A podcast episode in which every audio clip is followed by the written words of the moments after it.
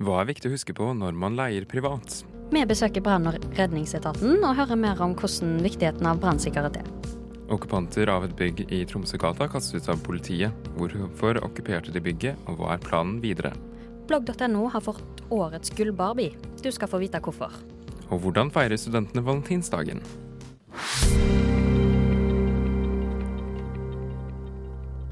Hei og velkommen til Studentnyhetene her på Radio Nova.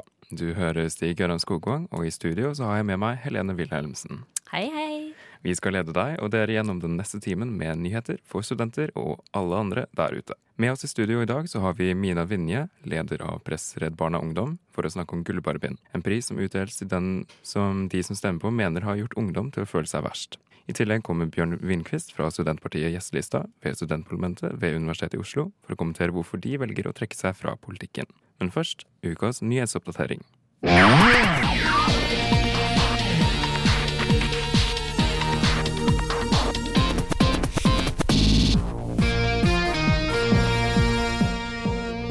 Regjeringen har satt som mål at alle vitenskapelige artikler som er finansiert med offentlig støtte, skal gjøres tilgjengelig for alle innen 2024. Vi betaler ca. 20 000 for hver artikkel som publiseres åpent. Det melder Krono. Aune-utvalget legger fram forslag til ny universitet- og høyskolelov om å fjerne muligheten til å bruke kjønnspoeng ved opptaket i høyere utdanning. Det melder Krono. Utvalget skriver at det er betenkelig at det skal være en anledning til særbehandling med opptak i høyere utdanning, når det ikke er anledning til det samme i arbeidslivet. Flere studenttopper er kritiske, deriblant Felipe Garcia, nestleder i Norsk studentorganisasjon, og mener at dersom kjønnspoeng fjernes, så må det erstattes med andre tiltak for å oppnå jevnere kjønnsbalanse. Krono skriver at medisinstudenter er de minst fornøyde i landet på vurderingsform. Dette kommer fram i den nasjonale studentundersøkelsen Studiebarometeret. Oline Marie Sæther, leder av medisinsk studentutvalg ved UiO, sier at studentene føler at de blir testa i tilfeldige temaer, og at det er vanskelig å forberede seg til eksamen som følge av at de har lite spesifikke og brede, brede læringsmål i stedet for pensum. Dekan ved Det medisinske fakultet ved Universitetet i Oslo, Ivar Gladhaug, sier at de jobber med å øke kvaliteten på eksamensoppgavene og evaluere hele tida studieplanen. Det var ukas nyhetsoppdatering med Helene Wilhelmsen.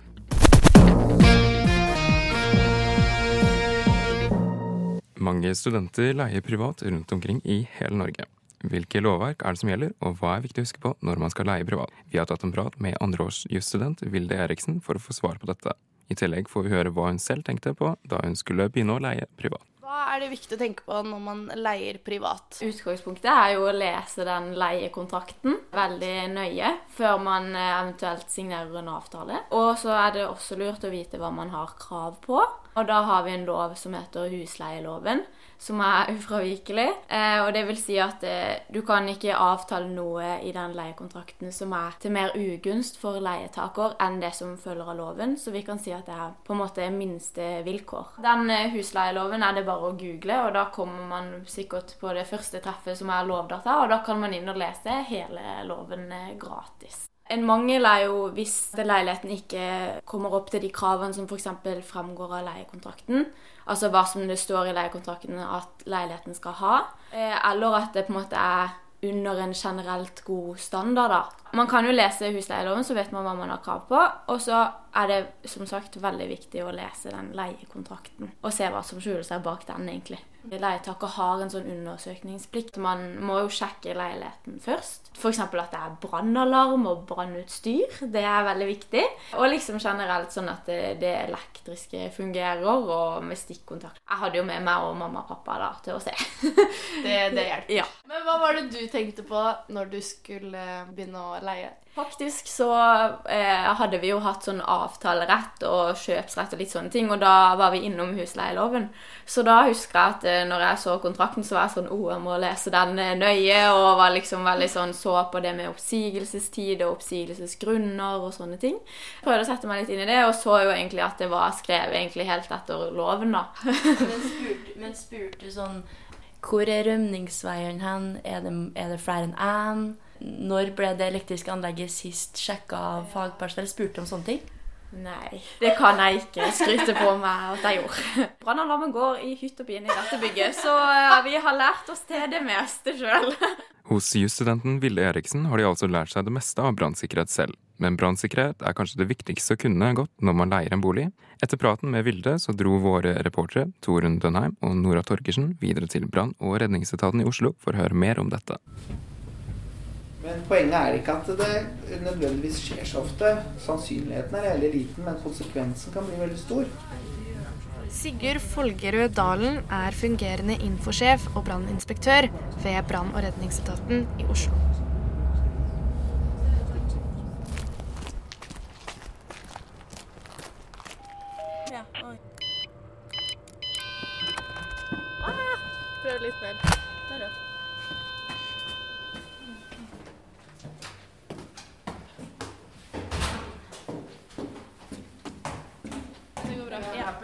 Happy? Vi er veldig happy. Da er jeg happy. Da går vi til tenkte du kunne bare gå på kontoret mitt. Ja, ja. Anette, får du komme og hilse?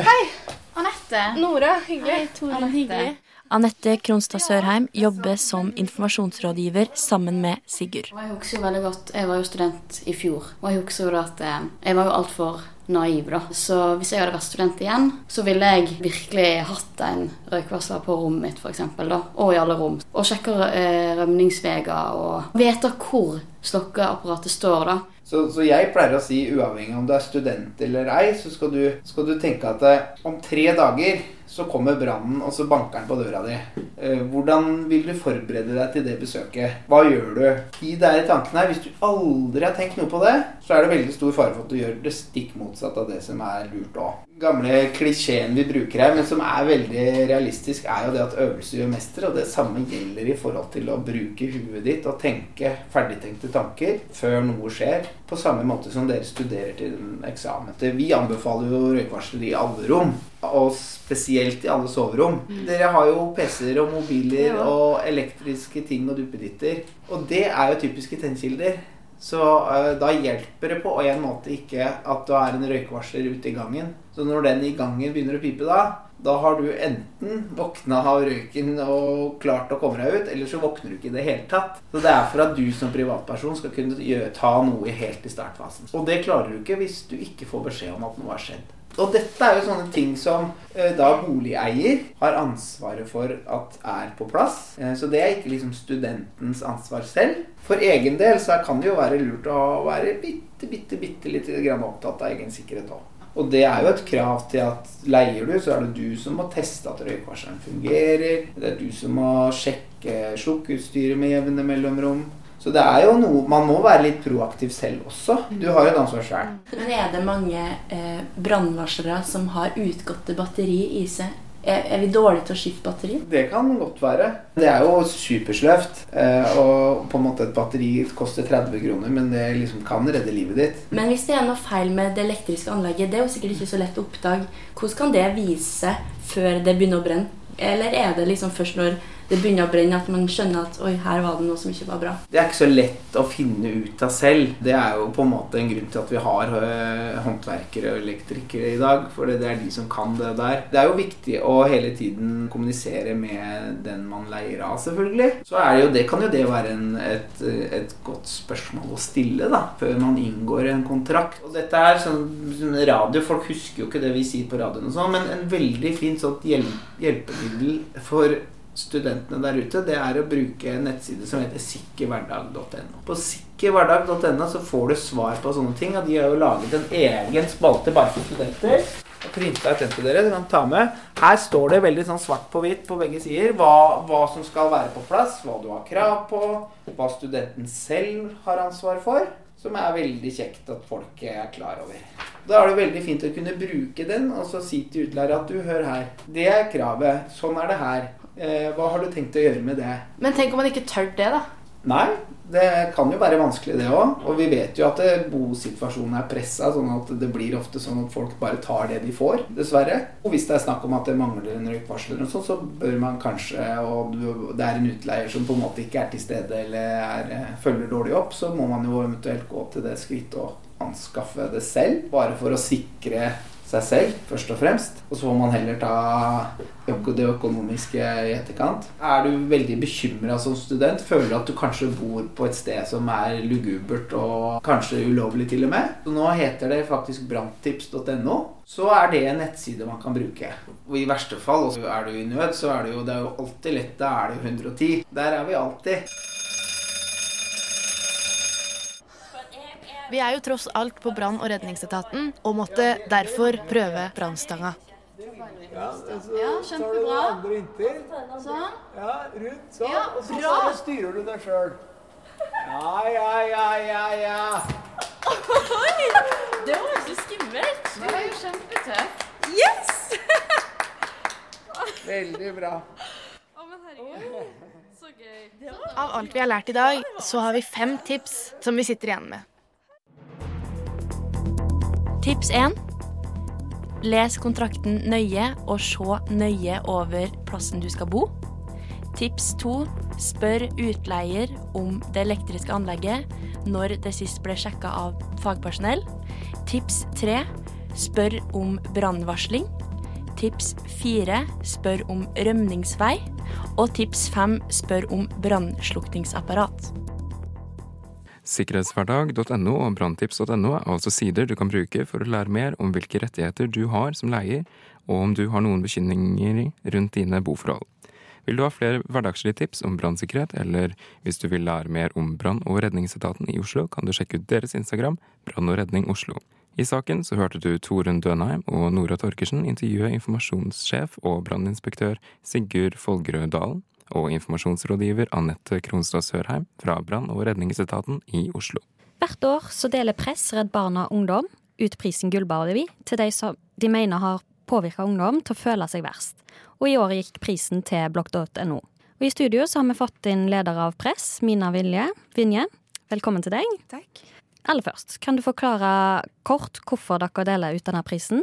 Eh, ja, eh, kroppspress er jo et veldig stort problem blant barn og unge. Det er veldig mange som sier at de føler på kroppspress. Eh, hvis man ser på nasjonaltall fra Ungdataundersøkelsen i fjor, så svarer 71% at de føler på et press fra en kropp som ser bra ut. Så man ser jo at dette er et stort problem, og man vet jo også at kroppspress og psykisk helse henger veldig tett sammen. Så vi mener at det er veldig urettferdig at noen tjener penger på at barn og unge får dårlig psykisk helse, og vi mener at reklamemediebransjen må ta ansvar. Så derfor deler vi ut årets gullbarbie til den som har vært best på å få ungdom til å føle seg verst. Hva må til for å bli nominert? Um, da er det tre kriterier som vi ser på. Og det er hvis man har spilt på veldig ensidige skjønnhetsidealer, hvis man har brukt veldig mye unødvendig seksualisering, eller hvis man bruker eh, gamle kjønnsrollemønster. Og så er det da ungdom som nominerer kandidater inn til oss. Så plukker landsstyret vårt ut de tre beste av de verste. Hvem andre enn blogg.no har vært nominert i år? Eh, det var Dagbladet og Facetune. Hvorfor akkurat eh, Dagbladet og bilderedigeringsappen Facetune?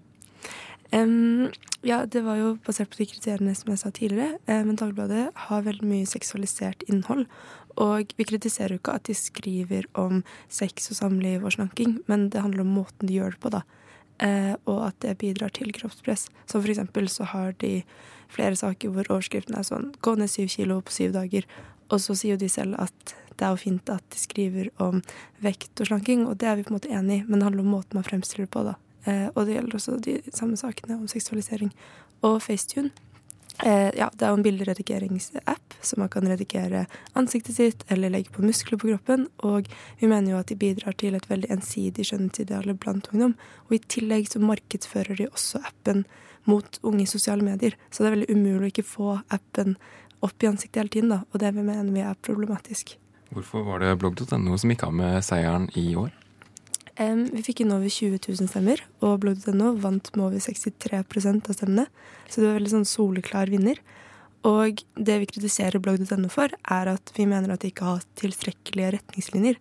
Fordi på blogger på blogg.no så kan man se reklame for eh, tannbleking, for betakaroten, for kosttilskudd og andre produkter som er til for å endre utseendet, som sier at barn og unge ikke er gode nok som de er.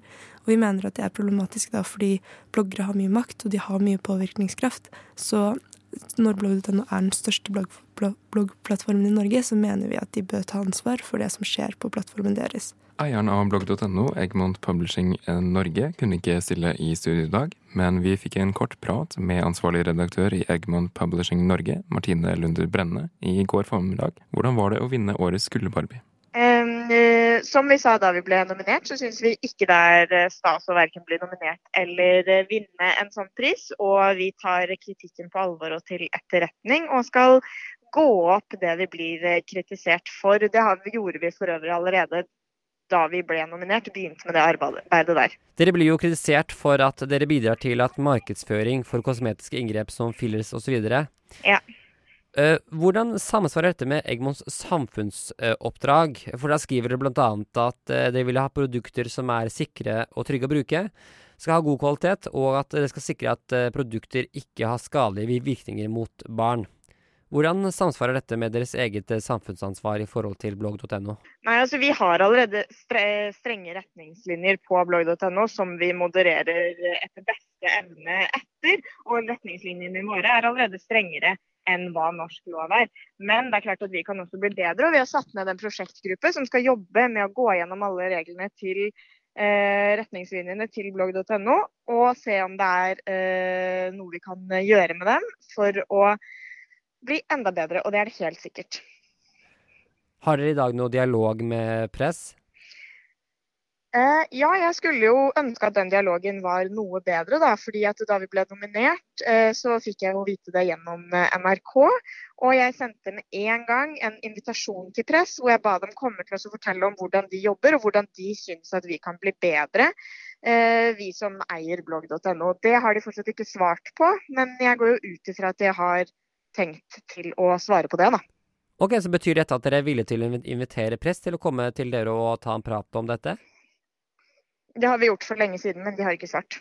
Det var reporter Ingar Jakob Feiring som i går pratet med ansvarlig redaktør i Egmont Publishing Norge, Martine Lunder Brenne. Og eh, Mina, har du en kommentar til at eh, Martine sier at eh, Egmont har prøvd å få kontakt med dere og ikke fått noe svar? Um, ja, vi har jo hatt litt dialog med Martine. Men det har vært litt hektisk hos oss også. Men vi har det definitivt på lista vår at vi skal møte dem. Og jeg er egentlig veldig glad for det hun sier, fordi hun sier jo at nå skal de ta ansvar. Og vi også har en del innspill å komme med der. Eh, og da de vant og fikk overlevert Gullbarren i går, så fikk de også en liste fra oss med ting som vi mener de har forbedringspotensial på. Og vi ble også enige i går om at vi skal ta et møte med dem over vinterferien. Så dere kommer altså til å møte Eggmann? Ja, det gjør vi. Og det gleder vi oss også til. Fordi vi er veldig glad for at de nå sier at de har lyst til å endre. Eh, for vi mener jo da at retningslinjene de har fra før, ikke er strenge nok. Men når de nå sier at de ikke har lyst til å vinne prisen igjen, og at de tar det på alvor, så er vi også klare for å være i videre dialog med dem. Hvordan skal dere gå videre med denne tematikken? Um, ja, Kroppspress er jo noe vi har jobba lenge med, og som vi jobber med hele tiden. Um, vi kommer nok også til å fortsette å dele ut Gullbarbie helt til man ser at reklamemediebransjen tar ansvar, og at det er ingen som tjener penger på at barn og unge får dårlig psykisk helse. Men vi jobber jo også veldig mye politisk, da, for vi mener jo også at politikere må på banen her. For her har man et marked som ikke er regulert nok. Så vi skal fortsette å følge opp både blodet.no, men også politikere, sånn at de kan sette i gang politiske tiltak, fordi kroppspress er et strukturelt problem. Tusen takk for at uh, du kunne komme til oss i Studentnyhetene. Mina Vinje, leder av Press Redd Barna Ungdom. Takk for det. Torsdag så okkuperte en gjeng unge mennesker et tomt kommunalt trehus i Tromsøgata med en plan om å få til et samarbeid, slik Oslo kommune har gjort ved Enebakkveien 37 og Ormundsveien 14. Tirsdag ettermiddag ble imidlertid drømmen om et autonomt byøkologisk sentrum knust, da okkupantene ble kastet ut av politiet på bestilling av Boligbygg. Hvorfor har dere okkupert eh, huset? Det står tomt. Eh, det er ikke i bruk, og det er kommunalt eid. Det er vårt hus. Hele, alle som del, er del i denne kommunen, er en del av dette huset. Dette er et hus som burde være i bruk. Det er et hus som vi ønsker å sørge for at ikke forfaller, som veldig mange andre hus, som jeg føler at de bruker som benytter seg av for å sørge for at de kan rive ting og bygge nytt, for å bygge større og bygge mer moderne. Uh, vi er en gjeng med kids som ikke har mulighet til bolig sjøl sjøl. Eh, vi trenger eh, Vi trenger hus. Vi er folk som eh, sliter ikke med å komme oss i boligmarkedet, for det er ikke oppnåelig for oss. Det tror jeg ikke kommer til å være oppnåelig for noen av oss eh, noensinne. Vi er folk som sliter med å holde oss på leiemarkedet uten å pådra oss gjeld. Fordi det, prisene er altfor høye i eh, byene. Men vi er også folk som eh, jobber service, som jobber yrker som er i sentrum. Som er tunge å reise langt for å komme til. Hvilken info fikk dere før dere ble kasta ut? Vi fikk ikke vite så mye. Eh, Det var, kom, de kom plutselig på døra eh, 6.2 og begynte å snakke med oss om eh, vår tilstand der. Da. Og vi informerte at ja, vi er okkupert og det må gjennom en rettsprosess for å få kasta oss ut. Mens eh, så gikk tida, og vi endte opp med at politiet kom på døra noen dager senere og bare kasta oss ut for hånd plutselig. Vi fikk vite at det hadde vært en rettsprosess, men vi var ikke inkludert i den i det hele tatt. Fikk ikke vite at det skjedde heller. Hvordan var det for dere å bli kasta ut? Vi forventa jo å bli kasta ut, men vi forventa at de kom til å bruke den tida som de vanligvis tar i bruk. Eh, vi forventa å kunne ta i bruk huset i en litt lengre periode. Eh, og det er alltid ekstremt skuffende når politiet som er her for å skulle beskytte befolkninga, alltid setter kapital over oss. Hva er planen deres videre? Planen vår er å en, prøve å få en dialog med boligbygg, som er veldig vanskelig, alltid har vært veldig vanskelig og ekstremt byråkratisk. Så veldig utilgjengelig for oss som ikke er veldig er satt inn i det byråkratiske. Og de av oss som har lese- og skrivevansker f.eks., der mye er skriftlig. Og eh, planen vår er å prøve å ha en dialog med de. eh, Hvis de ønsker det. Du nevnte at eh, mange av dere ikke har kapital eller råd til å bo og leie her i Oslo. Har eh, mange av dere et sted å bo nå? De fleste av oss har fått en tak over hodet, men det er ikke permanente boliger. Jeg syns at det er helt unødvendig av politiet måten de prøver å fremstille oss på. Vi er fredelige ungdommer som, og unge voksne som bidrar i lokalsamfunnet vårt.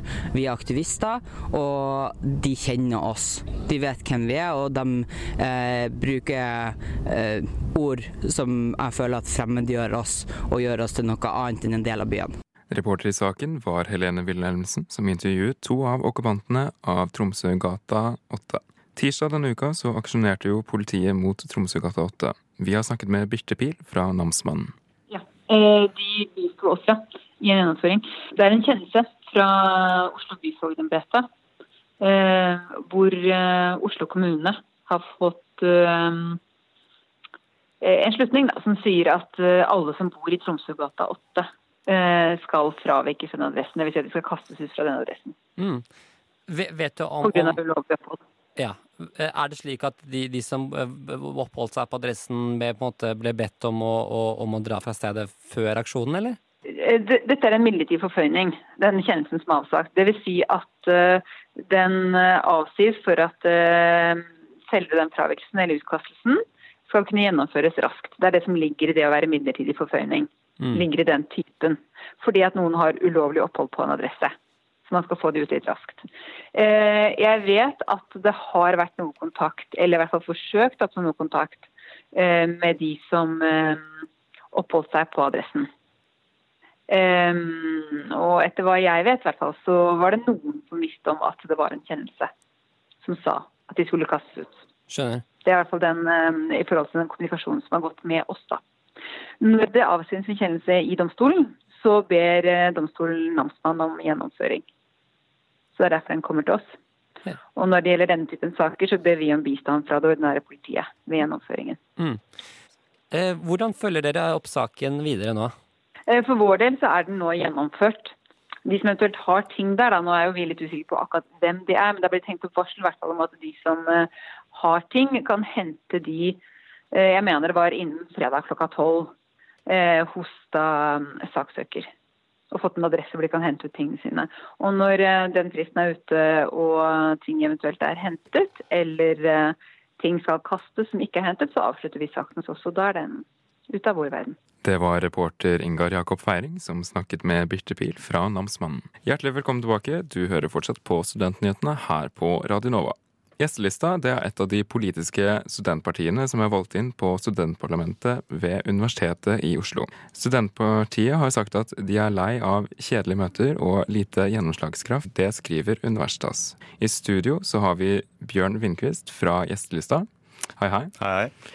Så hvorfor velger dere å gå ut av studentparlamentet? Nei, så Det er litt uh, forskjellige grunner til det. Uh, først og fremst er det kanskje det at det oppleves litt som en sånn ungdomspolitisk runkering, da, hvor det er en haug med meningsløse debatter. og Man bruker veldig lang tid på, på, ting som ikke nødvendigvis er så viktig, og så stemmes det ned veldig ting som vi ser på som veldig viktig da, for, for studentene. Ja, så for eksempel, da, kan for ta noen eksempler, så har Vi jo, vi har, fremmet, vi har snakka mye om offentlighetsloven. da, Legge SIO under offentlighetsloven.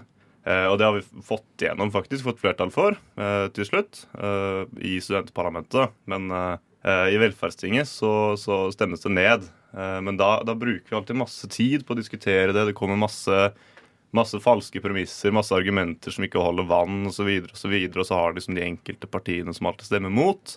og For å ta et annet eksempel. Vi, vi, vi fremma et forslag der Uh, der altså student, altså SIO, folk som bor i studentboliger, de skal få kompensasjon, leiekutt-kompensasjon for mangler.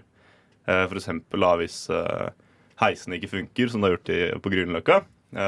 Da skal man mm. få liksom, kutt i leia. og Da, da vi, hadde vi en lang, lang, diskusjon på dette her, da, og jeg har snakka med folk som har blitt sittende fast i heisen her. heisen har falt to etasjer mens de har vært inne i heisen. Eh, og Da ble vi møtt med argument fra realistlista om at det er ikke SIOs ansvar at studentene skal føle seg trygge, så lenge heisene funker. Og det, de mener at da, så, lenge, altså, så lenge du kommer deg opp og ned, så spiller det ingen rolle om de faller to etasjer på veien. da. Og Det, det er mm. typ sånne ting da, som bare Det er så meningsløst, og det er så mye tull, og det er, liksom sånne, det er så mange partier da, som er mer opptatt av å liksom være lydige for SIO enn det er de er for å fremme studentenes interesser. Ja, dere er litt kritiske til studentparlamentet, men hvordan tenker dere at uh, da studenter kan gjøre en endring eller påvirke uten parlamentet? Nei, altså Det er jo dessverre litt lite studentmedvirkning, og så tror jeg kanskje man eh, til en viss grad overvurderer eh, studentparlamentets gjennomslagskraft. Fordi altså, let's face it, det er jo bare, en, det er jo bare et glorifisert elevråd. Og det er kanskje like mye gjennomslagskraft på universitetet som elevrådet hadde på videregående. Og så kan man jo diskutere hvor mye gjennomslagskraft elevrådet hadde også. Men, men det, er, det, er, liksom en høringsinstans, og veldig, er, man snakker om veldig mye. og man, man, foreslår masse ting og vedtar masse greier, men til syvende og sist så er det mest bare som organ for å diskutere saker og drive med organisatorisk arbeid. Hvordan uh, tenker du, Hvis dere hadde fortsatt å være i studentparlamentet, så hvordan tenker du at det eventuelt kunne ha fått mer makt? At man kunne fått gjort mer i studentparlamentet, eventuelt? Ja, altså vi, eh, vi, vi, vi tenker at en, en, god måte er å være litt mer høylytte. Eh, huske at vi er studenter, og studentenes rolle i samfunnet er jo å være høylytte. Vi skal liksom snakke om de store ideene. og være litt sånn hva skal man si, radikale sammenligna med den voksne generasjonen. da. Men eh, dagens studentparlament de ønsker ikke å gjøre det. De er mer liksom opptatt av å Eller ikke, ikke alle, selvfølgelig, de skal ikke skjære alle over en kam. Det er veldig mye bra folk i studentparlamentet også, men, men grunnleggende sett så er det mye man, man, er liksom litt redd for å stikke hodet fram. Og da er det jo heller ingen studenter som gidder å bry seg om hva som skjer i studentparlamentet heller.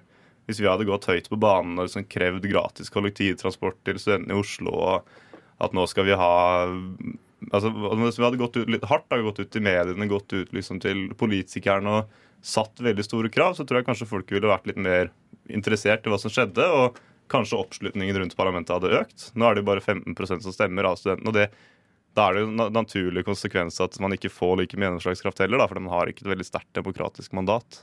Mm. Eh, Studentnyhetene vil bare si at uh, f.eks. realistlista er ikke her i dag, og at eh, de er ikke her til å forsvare seg, så det er heller ikke noen av de andre listene. Hvilke saker er det dere har fått gjennom på studentparlamentet? Nei, altså vi, vi fikk gjennom en ganske bra resolusjon eh, om eh, opprydning i SIO. Altså man skal få offentlighetsloven, SIO underlagt, underlagt offentlighetsloven, billigere kantine, kutt i direktørlønningene, Uh, mer autonomi til kokkene i kantina. Som en lang liste med krav.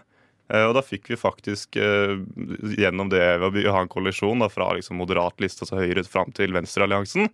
Så var det da, uten å angripe veldig mange andre lister, så var det to lister som er veldig SIO-lojale, som stemte mot dette her, men de var heldigvis i mindretall. så har vi også fått gjennom um, utredning av altså, forskning på psykedelika innenfor psykologi og sånne ting. Vi får se om det blir noe av den utredninga. Så har vi fått, fått igjen en terapihund på campus, som vi syns er veldig fint. Men uh, nå er det jo opp til arbeidsutvalget i studentparlamentet å få den på plass. Mm. Eh, et av valgkampløftene deres var å få til et vinmonopol på Blindern. Eh, hvordan har det gått? Nei, altså, vi, vi foreslo det, men det, det fikk dessverre ikke flertall. Eh, så enn så lenge så er det fortsatt bare en uh, idé som ikke har blitt eh, ja, fått oppslutning blant flertallet av studentparlamentet. Så hvor går egentlig veien videre for dere?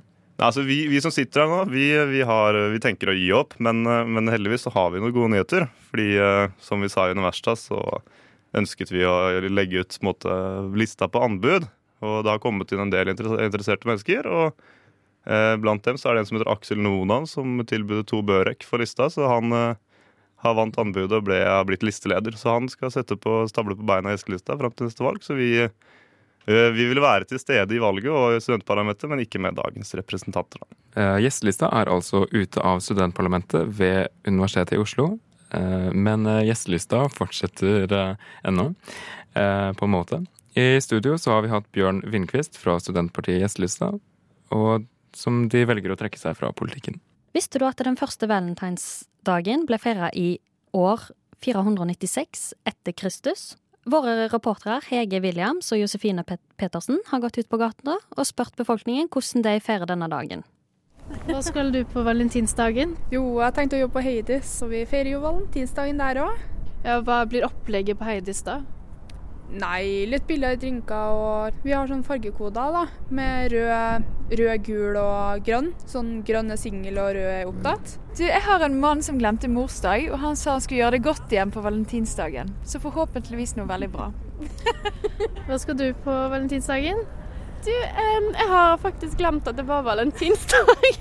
Så jeg håper mannen min overrasker meg, og det var gøy. Jeg har ikke noen spennende planer foreløpig, men jeg og mannen min forlovet oss på Valentine's Day for kjempemange år siden. Så det kan jo hende at vi burde finne på noe hyggelig. Og dessuten så har jeg små barn, og de syns det er veldig gøy.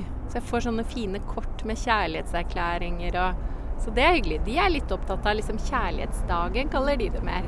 Jeg vet ikke. Jeg skal eh, late som ikke det er valentinsdagen, egentlig. Og ha en helt vanlig dag. Jeg skal eh, chatte med min utkårede på Tinder. Eh, hun heter for Sofie. Vi har snakka sammen i én dag. Jeg gleder meg. Jeg skal tenne lys, kjøpe blomster til meg selv. Jeg skal ta med alle klærne. Ja, der hørte du reporter Hege Williams og Josefine Petersen. Eh, Og nå eh, skinner sola her ute, men kommer det til å fortsette, Helene?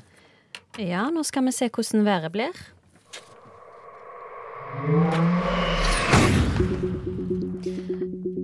Ifølge Yr så er det i dag venta strålende vær. Eh, sol og mellom null og to grader. På lørdag er det meldt lett regn tidlig på morgenkvisten, eller sol og skyer med store nedbørsmengder utover kvelden, og mellom tre og fem grader. På søndag så kan en sitte inne med god samvittighet, for da er det nemlig meldt regn store, medler, store deler av dagen, og opptil åtte grader. Og det var væren- værmeldinga for helga. Det blir jo et eh, godt vær, unntatt eh, søndag, det. Så det var egentlig alt som vi hadde for denne gang. Så må vi vel egentlig bare gå ut og nyte valentinsdagen.